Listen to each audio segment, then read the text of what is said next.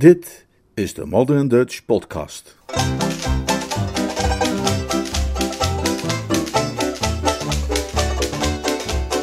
Vandaag deel 2 van het verhaal Een stukje kunst uit de bundel Uitstekend Jeeves van P.G. Woodhouse, vertaald en voorgelezen door Leonard Beuger. Korte inhoud van het voorafgaande. Tijdens een lunch met haar vertelt Bertie zijn tante Dalia dat hij haar niet als beloofd zal kunnen vergezellen op een cruise met haar jacht op de Middellandse Zee. Hij is namelijk verliefd op de schilderes Gladys Pendlebury, die onlangs zijn portret heeft geschilderd. Bertie wil in Londen blijven om zijn rivaal Lucius Pym in de gaten te kunnen houden en zo nodig maatregelen tegen hem te kunnen nemen. Bertie's bediende Jeeves had zich erg verheugd op de cruise met Tante Dalia's jacht en is nu bijzonder teleurgesteld, al laat hij dat niet aan Bertie blijken. Wel uit hij zich opvallend negatief over Bertie's portret, omdat hij vindt dat die daar met zo'n hongerige blik op is afgebeeld. Jeeves meldt Bertie, wanneer hij thuiskomt van de club, dat Gladys Pendlebury bij een auto-ongeluk is betrokken geraakt. Het slachtoffer, dat een been gebroken heeft, is Lucius Pym, die nu op verzoek van Gladys in Bertie's logeerkamer is ondergebracht. De dokter heeft verboden Pim de komende tijd te verplaatsen. Lucius Pim vertelt Bertie dat zijn zus, Mrs. Slingsby, de vrouw van de bazige producent van de beroemde Slingsby's superbe soep, morgen op bezoek zal komen en Gladys ongetwijfeld juridisch zal vervolgen als ze ontdekt dat zij het was die hem heeft aangereden. Daarom vraagt Pim aan Bertie om Mrs. Slingsby niet te vertellen hoe het ongeluk precies is gebeurd en wie de dader was. Bertie zorgt daarom dat hij niet thuis is als Mrs. Slingsby op bezoek komt. Bij thuiskomst gaat hij bij de gehate Lucius Pim polshoogte nemen.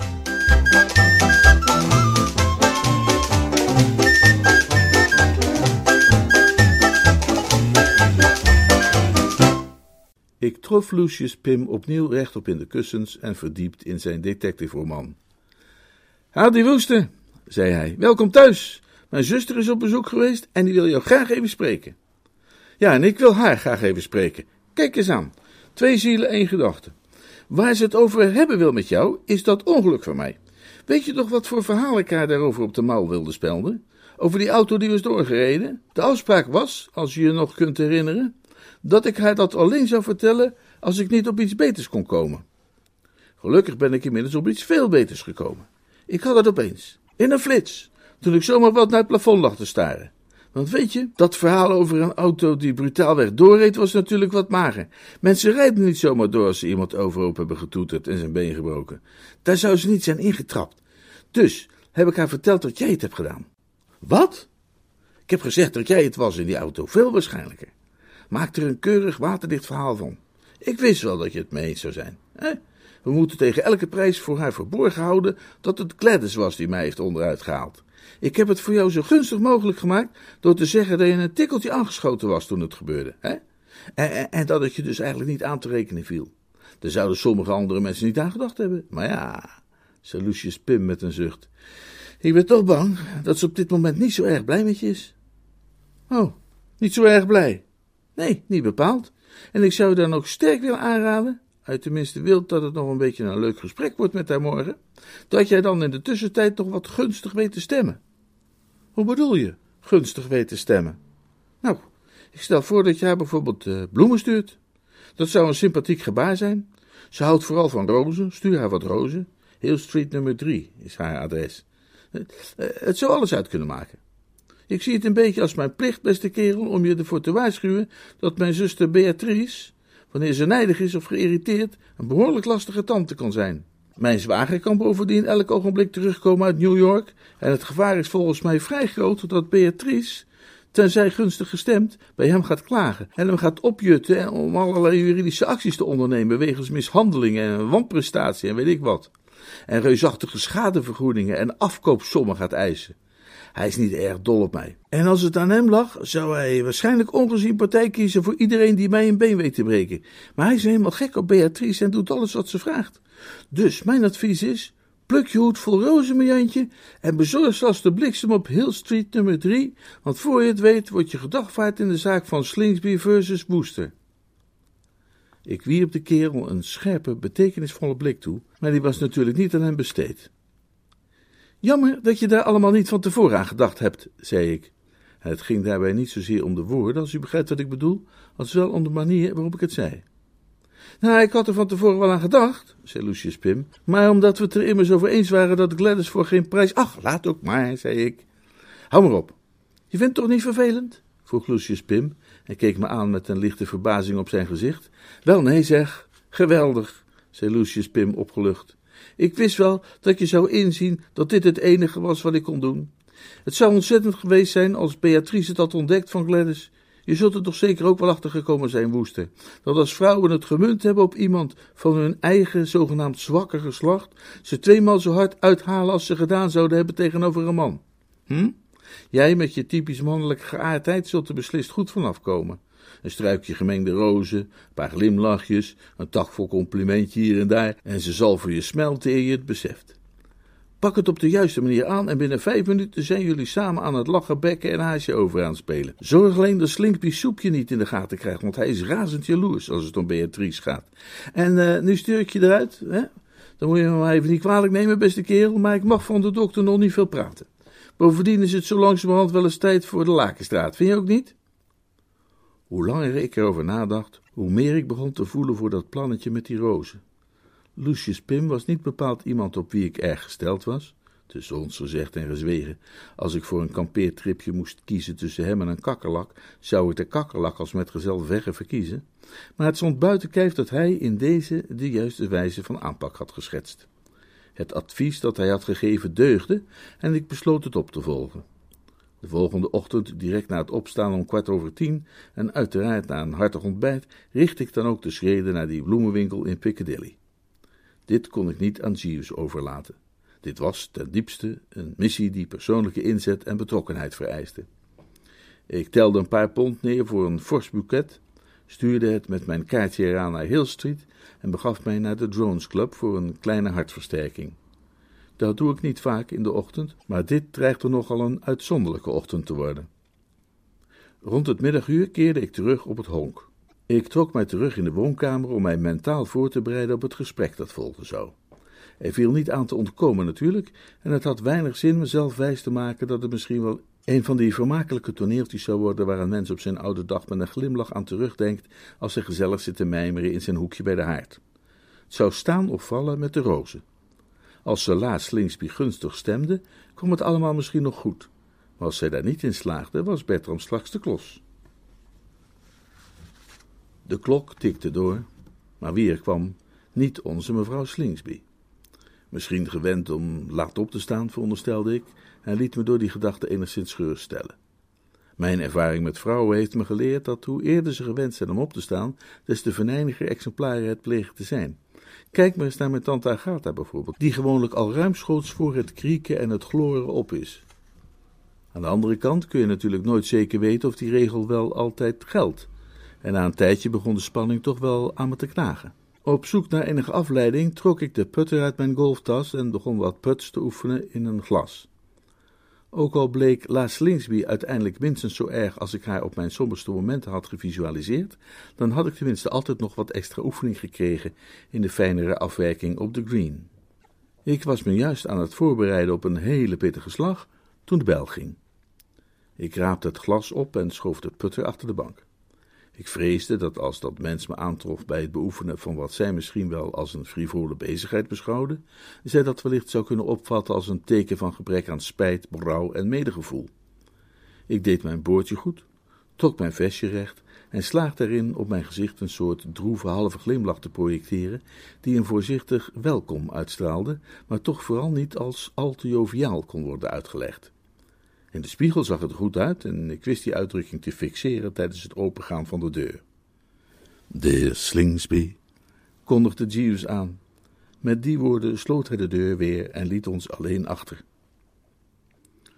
Het duurde nog wel even voordat er iets in de zin van gebabbel losbarstte. Ik had mevrouw Slingsby verwacht en de schok iets geheel anders aan te treffen, ja, in geen enkel opzicht hetzelfde, leek een nefaste invloed uit te oefenen op de stembanden. Daarbij leek mijn bezoeker vanuit zichzelf overigens ook allerminst geneigd tot lichte of contactbevorderende conversatie. Hij stond daar eenvoudig, sterk en zwijgzaam van aanblik. Waarschijnlijk is dat hoe je moet zijn als het je ambitie is iets te vervaardigen als een werkelijk overtuigend type soep. Slingsby's superbe soep was een figuur met de uitstraling van een Romeinse keizer, in het bezit van scherpe, doordringende ogen en zo'n vooruitstekende kin. Zijn allemachtig irritante blik leek onwrikbaar op mij gevestigd en, als ik mij niet vergis, knarst hij enigszins met de tanden. Om de een of andere reden leek hij mij op het eerste gezicht al helemaal niet te mogen, en ik moet eerlijk zeggen dat me dat nogal verbaasde. Ik zal niet zeggen dat ik beschik over zo'n fascinerende persoonlijkheid die je kunt ontwikkelen aan de hand van die kleine boekjes waar ze achter in sommige tijdschriften mee adverteren, maar ik kan me toch geen ander geval herinneren uit mijn ganse loopbaan waarbij een enkele blik op mijn postzegel volstond om iemand wel haast het schuim op de mond te doen produceren. Doorgaans lijken mensen mij, wanneer ze me voor het eerst ontmoeten, zelfs helemaal niet op te merken. Maar enfin, ik deed mijn best om een goed gastheer te zijn. Meneer Slingsby? Zo heet ik, ja. Zojuist terug uit uh, Amerika? Vanmorgen geland. Uh, vroeger dan verwacht is het niet? Kennelijk, ja. Aangenaam met u kennis te maken. Dat zal niet lang aangenaam blijven. Ik pauzeerde even om een goed te slikken. Ik begreep nu wat er was gebeurd. Deze knabo was thuisgekomen, had zijn vrouw gesproken, het hele verhaal gehoord over het ongeluk en was onmiddellijk naar mijn huis gekomen om met mij af te rekenen. Kennelijk hadden die rozen het dodelijke wijfje toch niet echt gunstig gestemd. Het enige wat ik nu nog leek te kunnen doen was een poging om het mannetjesroofdier gunstig te stemmen. Ehm, iets drinken misschien? vroeg ik. Nee. Sigaret? Nee. Uh, een stoel misschien? Nee. Ik deed er opnieuw het zwijgen toe. Mensen die niet drinken, niet roken en zelfs niet zitten, zijn vaak wat lastig om mee om te gaan. En sta niet zo naar mij te grenzen. Ik wierp een snelle blik in de spiegel en zag dat mijn droeve halve glimlach inderdaad wat was afgezakt. Ik corrigeerde dat en het bleef weer even stil. Nou goed, zei de superbe soeperman. Ter zake. Ik hoef je waarschijnlijk niet te vertellen waarom ik hier ben. Nee, nee, tuurlijk niet. Nee, vanzelf. Het gaat waarschijnlijk over dat kleine incident met. Uh... Hij snoof verachtelijk op een manier die een vaas op de schoorsteen deed wankelen. Klein incident! Dus, jij beschouwt dit als een klein incident, hoor ik dat goed? Nou ja. Laat me je dan eens eens en vooral vertellen, ventje. Dat als ik ontdek dat iemand, terwijl ik in het buitenland ben, mijn vrouw lastig valt met zijn zedeloze belangstelling, ik dat allerminst wens te beschouwen als een klein incident. En ik, zei de soeperman, terwijl zijn ogen fonkelden en hij zich op onheilspellende wijze in de handen wreef, weet een methode om jou tot datzelfde inzicht te laten komen. Ik begreep er geen s'nachts van. Ik kon de man eenvoudig niet volgen. Mijn intellectuele vermogens raakten overbelast. Hè? vroeg ik. Uw vrouw? Jij hebt mij wel verstaan. Hier moet sprake zijn van een vergissing. Inderdaad, een vergissing jouwerzijds. Maar ik ken uw vrouw helemaal niet. Ja, ja. Ik heb haar zelfs nog nooit ontmoet. Eerlijk niet. Bah. Hij tuurde me enige momenten strak in het gelaat. Wil jij ontkennen dat je haar bloemen hebt gestuurd? Ik voelde hoe mijn hart een slag in de ronde maakte. Ik begon te begrijpen waar hij heen wilde. Bloemen, ging hij verder. Rozen, meneertje. Grote, allemachtige knoeperts van rozen. Hele wagenladingen van die dingen. Je kaartje zat eraan met zo'n handig knijpertje. Zijn stem ging gaandeweg over in een soort gerochel en ik zag dat hij staarde naar iets dat zich achter mij bevond. Ik draaide mij om en daar in de deuropening. Ik had niet gezien dat de deur open stond, want tijdens onze jongste en nogal verkrampte dialoog had ik mij uit veiligheidsoverwegingen in grofweg die richting teruggetrokken. Nou ja, hoe dan ook, daar in de deuropening stond een vrouw. Eén blik op haar was genoeg om te weten wie zij was. Geen vrouw die niet het ongeluk had om met Lucius Pim verwant te zijn, kon zo op hem lijken. Dit was zuster Beatrice, de lastige tante. Nu snapte ik het helemaal. Ze moest van huis zijn gegaan voordat de bloemen arriveerden. Allerminst gunstig gestemd moest zij tot mijn appartement annex noodhospitaal zijn doorgedrongen, terwijl ik bezig was mijn hart te versterken in de drones. En daar stond ze nu. Eh, uh, zei ik. Alexander, sprak het wijfje. Zo, zei Superman. Het kan ook zo geweest zijn. Uh, wat het ook was, het klonk helemaal in de traditie van oorlogskreet of krijgsgehuil. Soepeman zag zijn ernstigste verdenkingen kennelijk bevestigd. Een gruwelijk licht ontstak in zijn ogen. Zijn kin schoot nog een decimeter naar voren. Hij opende en sloot zijn vuisten een aantal keren, als om de functionaliteit van vingers en gewrichten te controleren en hun bruikbaarheid voor worgingsdoeleinden. Vervolgens kwam hij met een tweede zo of zo. Maakte hij de grote sprong voorwaarts, kwam terecht op de golfbal waar ik het putten mee geoefend had en maakte een van de mooiste smakken die ik ooit heb mogen waarnemen. Een doodsklap zoals je die maar eenmaal in je leven meemaakt.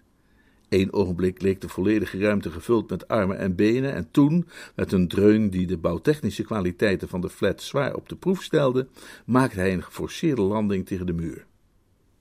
Ik vond het zo eigenlijk wel genoeg, glipte in dit onbewaakte ogenblik de kamer uit en griste juist mijn hoed van de kapstok toen Jeeves verscheen.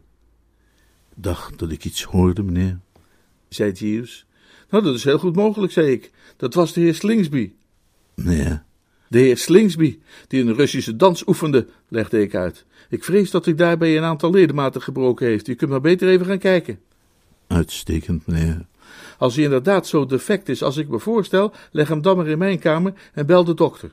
Mijn flat raakt op deze manier wel aardig vol met specimina van de familie Pim en aanverwanten. Wat zeg jij, Jeeves? Inderdaad, meneer. De voorraad is volgens mij nu wel haast uitgeput. Maar mochten er nog wat losse tantes of aangetrouwde neven langskomen die iets hebben gebroken, leg ze dan maar op de Chesterfield. Uitstekend, meneer. Ik persoonlijk, Jeeves, zei ik, terwijl ik de voordeur opendeed en mij nog een laatste keer omdraaide op de drempel, ben nu even naar Parijs. Het adres zal ik je nog toesturen per telegram.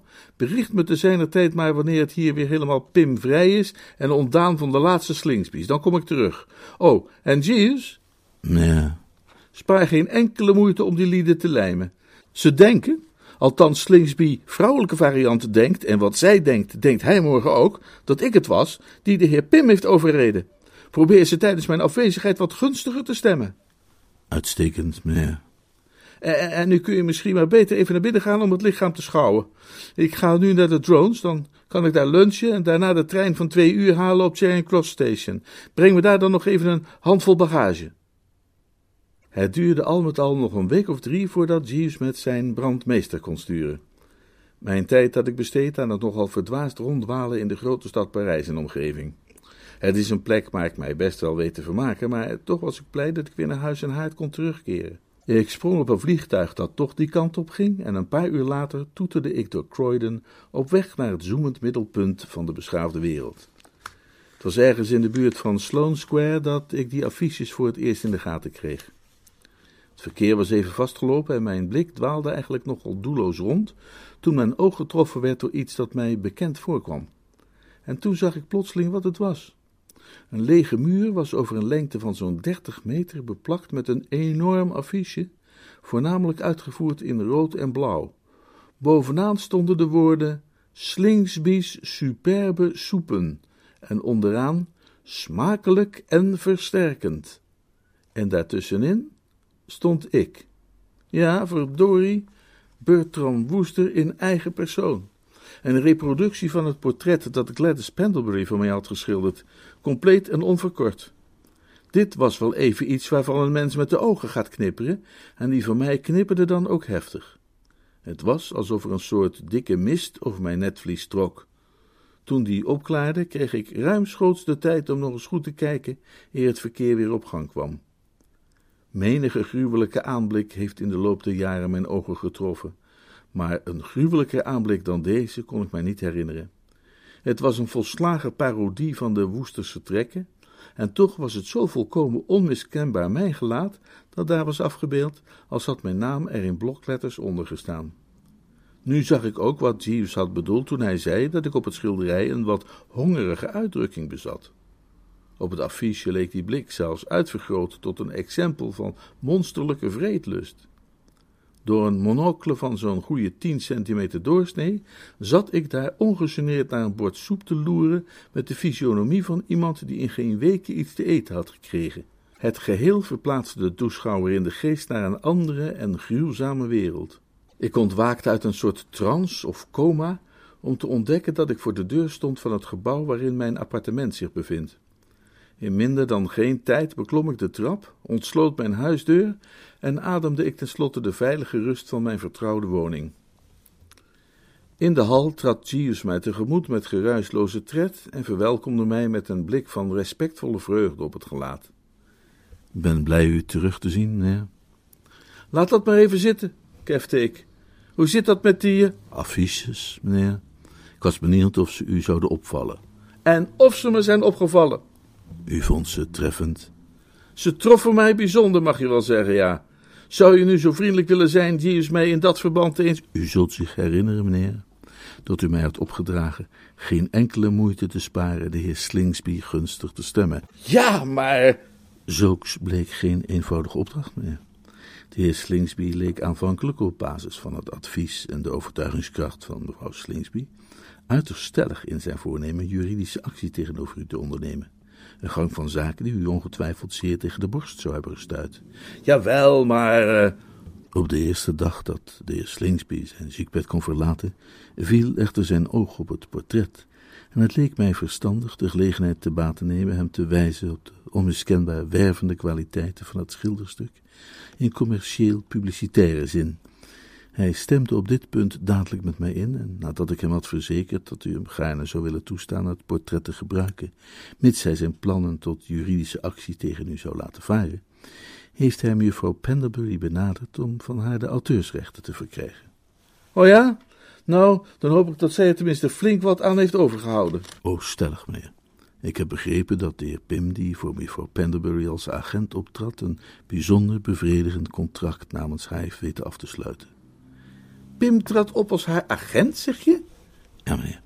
In zijn hoedanigheid als mevrouw Penderbury's verloofde, meneer. Haar verloofde? Ja, meneer. Hoezeer de aanblik van dat affiche mij midscheeps had getroffen, valt wel af te leiden uit het feit dat deze toch eigenlijk schokkende mededeling van Jeeves mij allerminst fataal werd, maar dat ik er slechts op reageerde met niet meer dan een eenvoudig tja of zo. Het kan zelfs een hm geweest zijn. Na die affiche leek niets er meer toe te doen. Na die affiche, Jeeves, zei ik, lijkt het niets er meer toe te doen. Oh nee, meneer.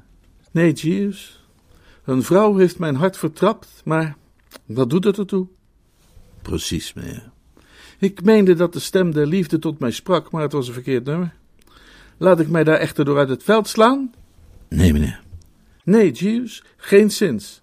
Maar wat wel een probleem vormt, is het gruwelijke feit dat mijn welgesneden trekken op dit moment overal in deze metropool zijn aangeplakt, op reuzenformaat waarbij ik een predatoren blik richt op een bord Slingsby's God Peter superbe soep. Ik zal Londen voor onbepaalde tijd moeten verlaten. Eindeloos zullen ze me daar op de Drones Club mee pesten, daar kun je donder op zeggen. Ja, meneer. En mevrouw Spencer Gregson? Ik verbleekte zichtbaar. Ik had nog niet aan tante Agatha gedacht en wat die wel niet te zeggen zou hebben over hoe ik de goede naam van onze familie omlaag haalde. Je wilt me toch niet vertellen dat ze er al over heeft opgebeld? Meerdere keren per dag, meneer. Jeeves, mijn enige redding ligt in de vlucht. De tactische terugtocht, meneer. Rechtsomkeerd naar Parijs, ben ik bang? Dat zou ik niet willen aanbevelen, meneer. Ook in die stad zullen de affiches, naar ik begrepen heb, binnenkort alom verschijnen, ter bevordering van de verkoop van de bouillon suprême. De producten van de heer Slingsby vinden ook in Frankrijk een brede aftrek. De aanblik zou u pijnlijk zijn, vrees ik. Maar waar moet ik dan heen? Als ik een suggestie mag doen, meneer. Waarom grijpt u niet terug op uw oorspronkelijk voornemen een cruise te maken over de Middellandse Zee aan boord van mevrouw Travers' jacht? Aan boord zult u stellig geen hinder ondervinden van de gevraagde reclameuiting. Het leek mij volkomen kletsenpraat die de man nu uitsloeg. Maar dat jacht is al weken geleden vertrokken, Chiefs. Dat kan nu overal zijn. Nee, meneer. Mevrouw Travers heeft de cruise een maand uitgesteld wegens de ziekte van haar kok Anatole, die een lelijke griep had opgelopen. Mr. Travers weigerde zonder hem af te varen. Bedoel je dat ze nog niet zijn vertrokken? Nog niet, meneer. Aanstaande dinsdag kiest het jacht zee vanuit Southampton. Maar zeg, Jan Dory, komt dat even goed uit? Voortreffelijk, meneer. Bel tante Dalia op en zeg dat we eraan komen ben zo vrij geweest, eh, kort voor uw thuiskomst, daar iets zorg voor te dragen, meneer. Oh ja? Ja, meneer. Het leek mij waarschijnlijk dat u op mijn suggestie met instemming zou reageren, meneer. En of? Ik heb de hele tijd al zo'n zin gehad in die cruise. Ik ook, meneer. Het lijkt me een bijzonder plezierige tocht te worden. De zilte zeewind in de neus, Jeeves. Ja, meneer. Het maanlicht glanzend op het water. Inderdaad, meneer. Het zachte golven van de baren. Precies, meneer. Ik voelde mij absoluut op en top. Gladys. Puh, die affiches. Bah, dat was hoe ik er naar kijk. Yo ho ho, Jeeves, zei ik. En ik stak mijn duimen achter mijn broeksband. Ja, meneer. Wat heet, ik ga nog een stapje verder zelfs. Yo ho ho, en een grote fles rum. Uitstekend. Ik breng hem u daar.